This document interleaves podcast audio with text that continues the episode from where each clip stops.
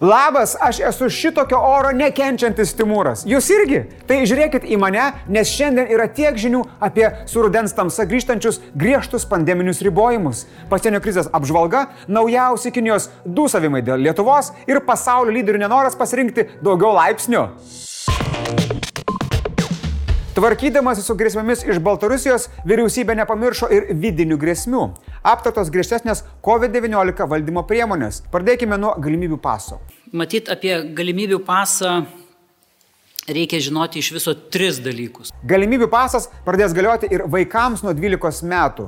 Dingsta galimybė G pasą gauti atlikus greitai antigenų testą. Galios tik PGR po antro skiepo arba po pirmo, jei skiepėjimasi Johnson Johnson vakcina. Galimybių pasas galios tik 7 mėnesius. Po 7 mėnesių jau žmogus norėdamas turėti tą pasą turės e, gauti trečią sustiprinančią dozę. Taip.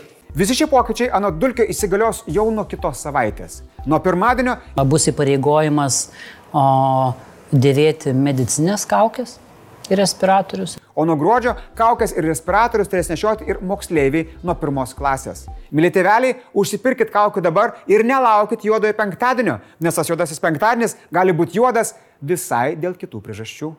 Taip pat operacijų vadovo arba sveikatos apsaugos ministro sprendimais numatoma įvesti prievolę izoliuotis po kontakto su sergančioju ir seniau nei prieš keturis mėnesius vakcinuotiems asmenims, negavusiems stiprinančios dozės, kol čia gaus neigiamą testo rezultatą.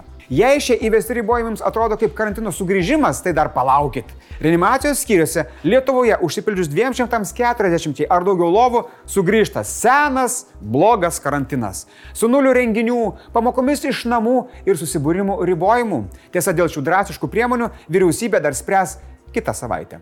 Mes jums apie tai tikrai pranešime. O daugiau detalių apie apribojimus bei svarbiausias naujienas iš pandemijos fronto žiūrėkite specialioje tiek žinių kalba ekspertas laidoje su ministru Arūnu Dulkiu. Sveiki, Laisvės televizijos tiesioginėme eterija laida tiek žinių kalba ekspertas ir šiandieną su mumis sveikatos apsaugos ministras ir pandemijos valdymo naujienos. Arūnas Dulkis, sveiki. Ministrė. Pasienyje situacija kaista. Jūs turbūt klausėte, Timūrai, kaip gali kaisti, jei prie sienos naktimis temperatūra nukrenta žemiau nulio? Nu, aš atsakau, geras bairis ir tada priduriu, jūs greičiausiai nematėte, kaip daugiau nei tūkstantis nelegalių migrantų iš Baltarusijos bando patekti į Lenkiją karščio pilna migrantų akise ir Lenkijos pareigūnų dujinėse balionėliuose, nes nuo dujos degina.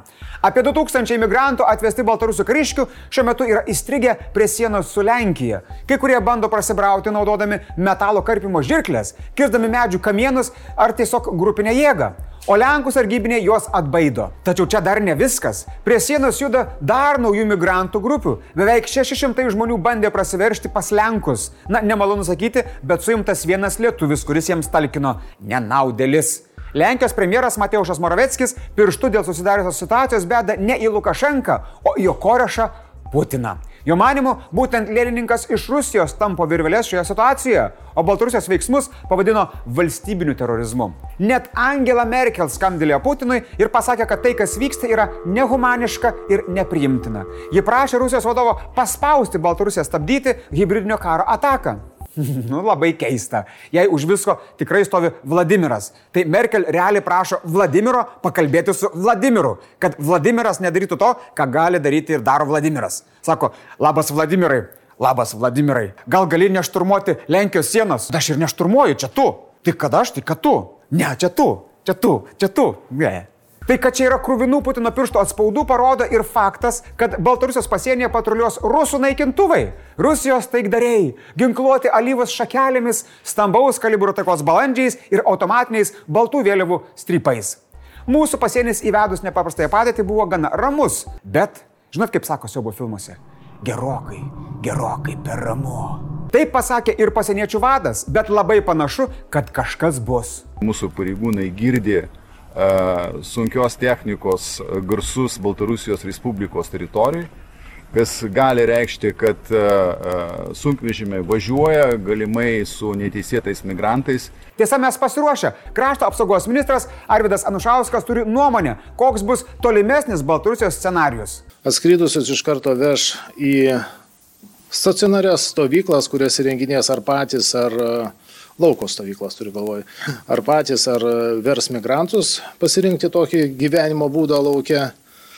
Ir e, juos apgyvendins ir nuolat mažesnėm, didesnėm grupėm šturmuos ES, e, Lenkijos, Lietuvos ar ten Latvijos galbūt.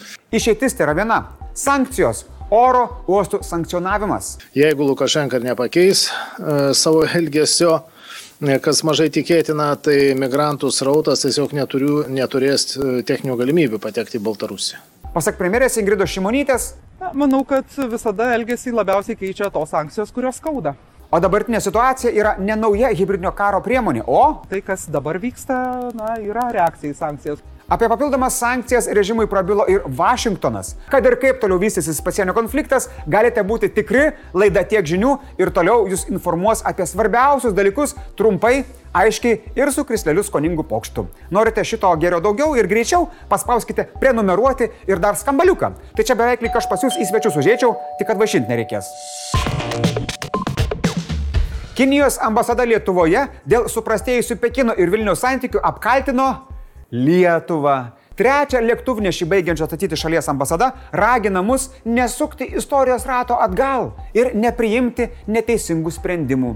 Ji tikisi, kad visas pasaulis kartu su ES teisingai įvertins Lietuvos bandymą sumenkinti Kinijos suverenitetą ir teritorijos vientisumą. Na, dar aš tikiuosi, kad visas pasaulis kartu su ES teisingai įvertins Kinijoje įrengtus kalėjimus tautinėms mažumoms. A jau įvertino? Nu tai gerai. Kinijos ambasada taip pat užsiputojo dėl mūsų užsienio reikalų viceministro Arnolo Pranskevičiaus pareiškimų Vašingtone Aspeno saugumo forume praėjusią savaitę.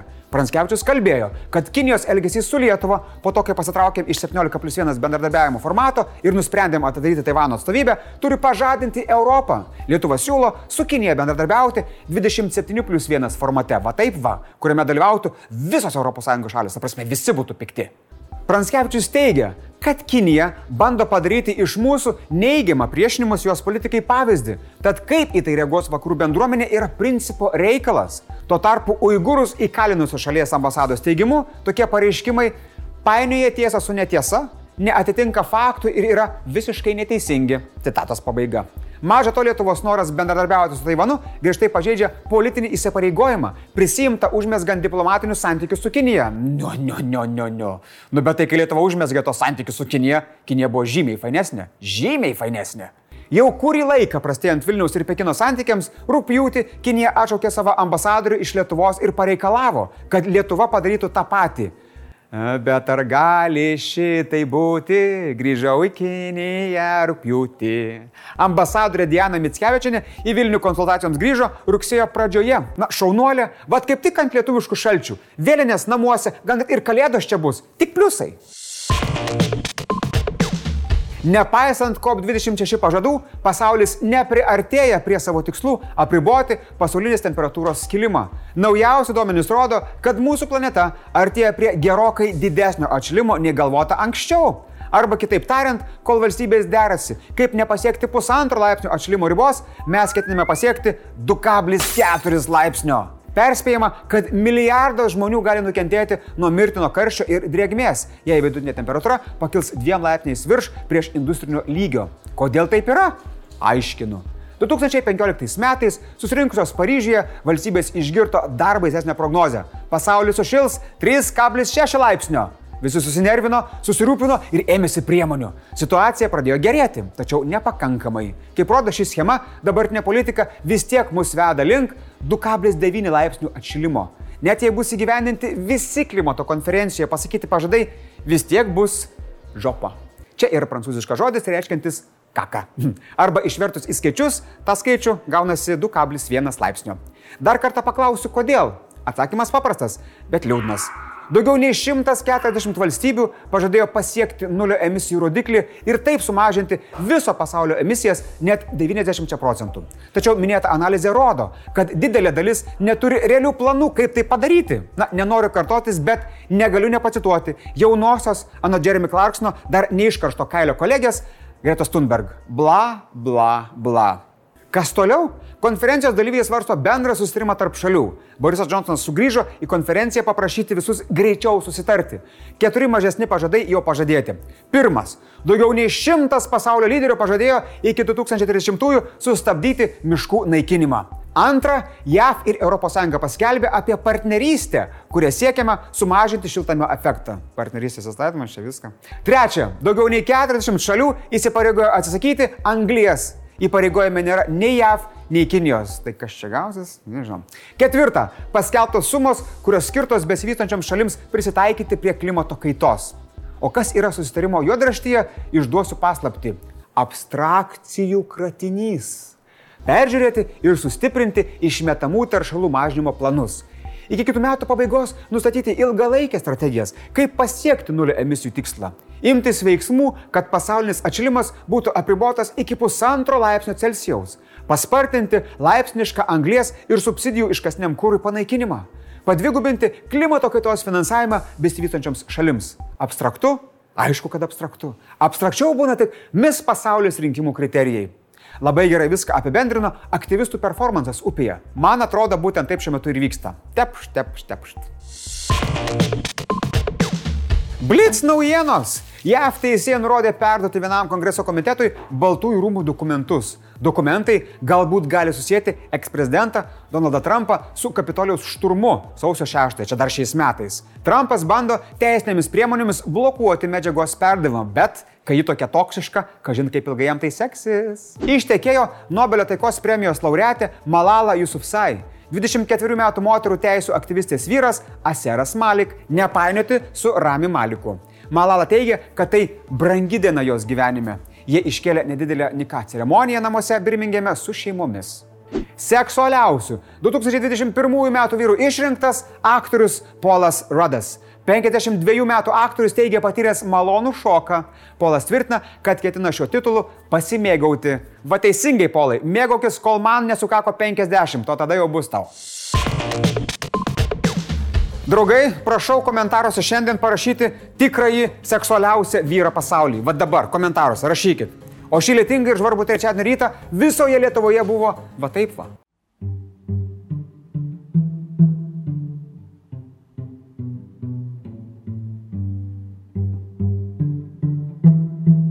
Antis nešlapia ir lovai, nes rytas šalt. Nu, ai, šiandien tiek žinių. Iki rytojus. Rytoj čia bus Silvija. Silvija su gimtadieniu, rytoj čia manęs nebus. Iki.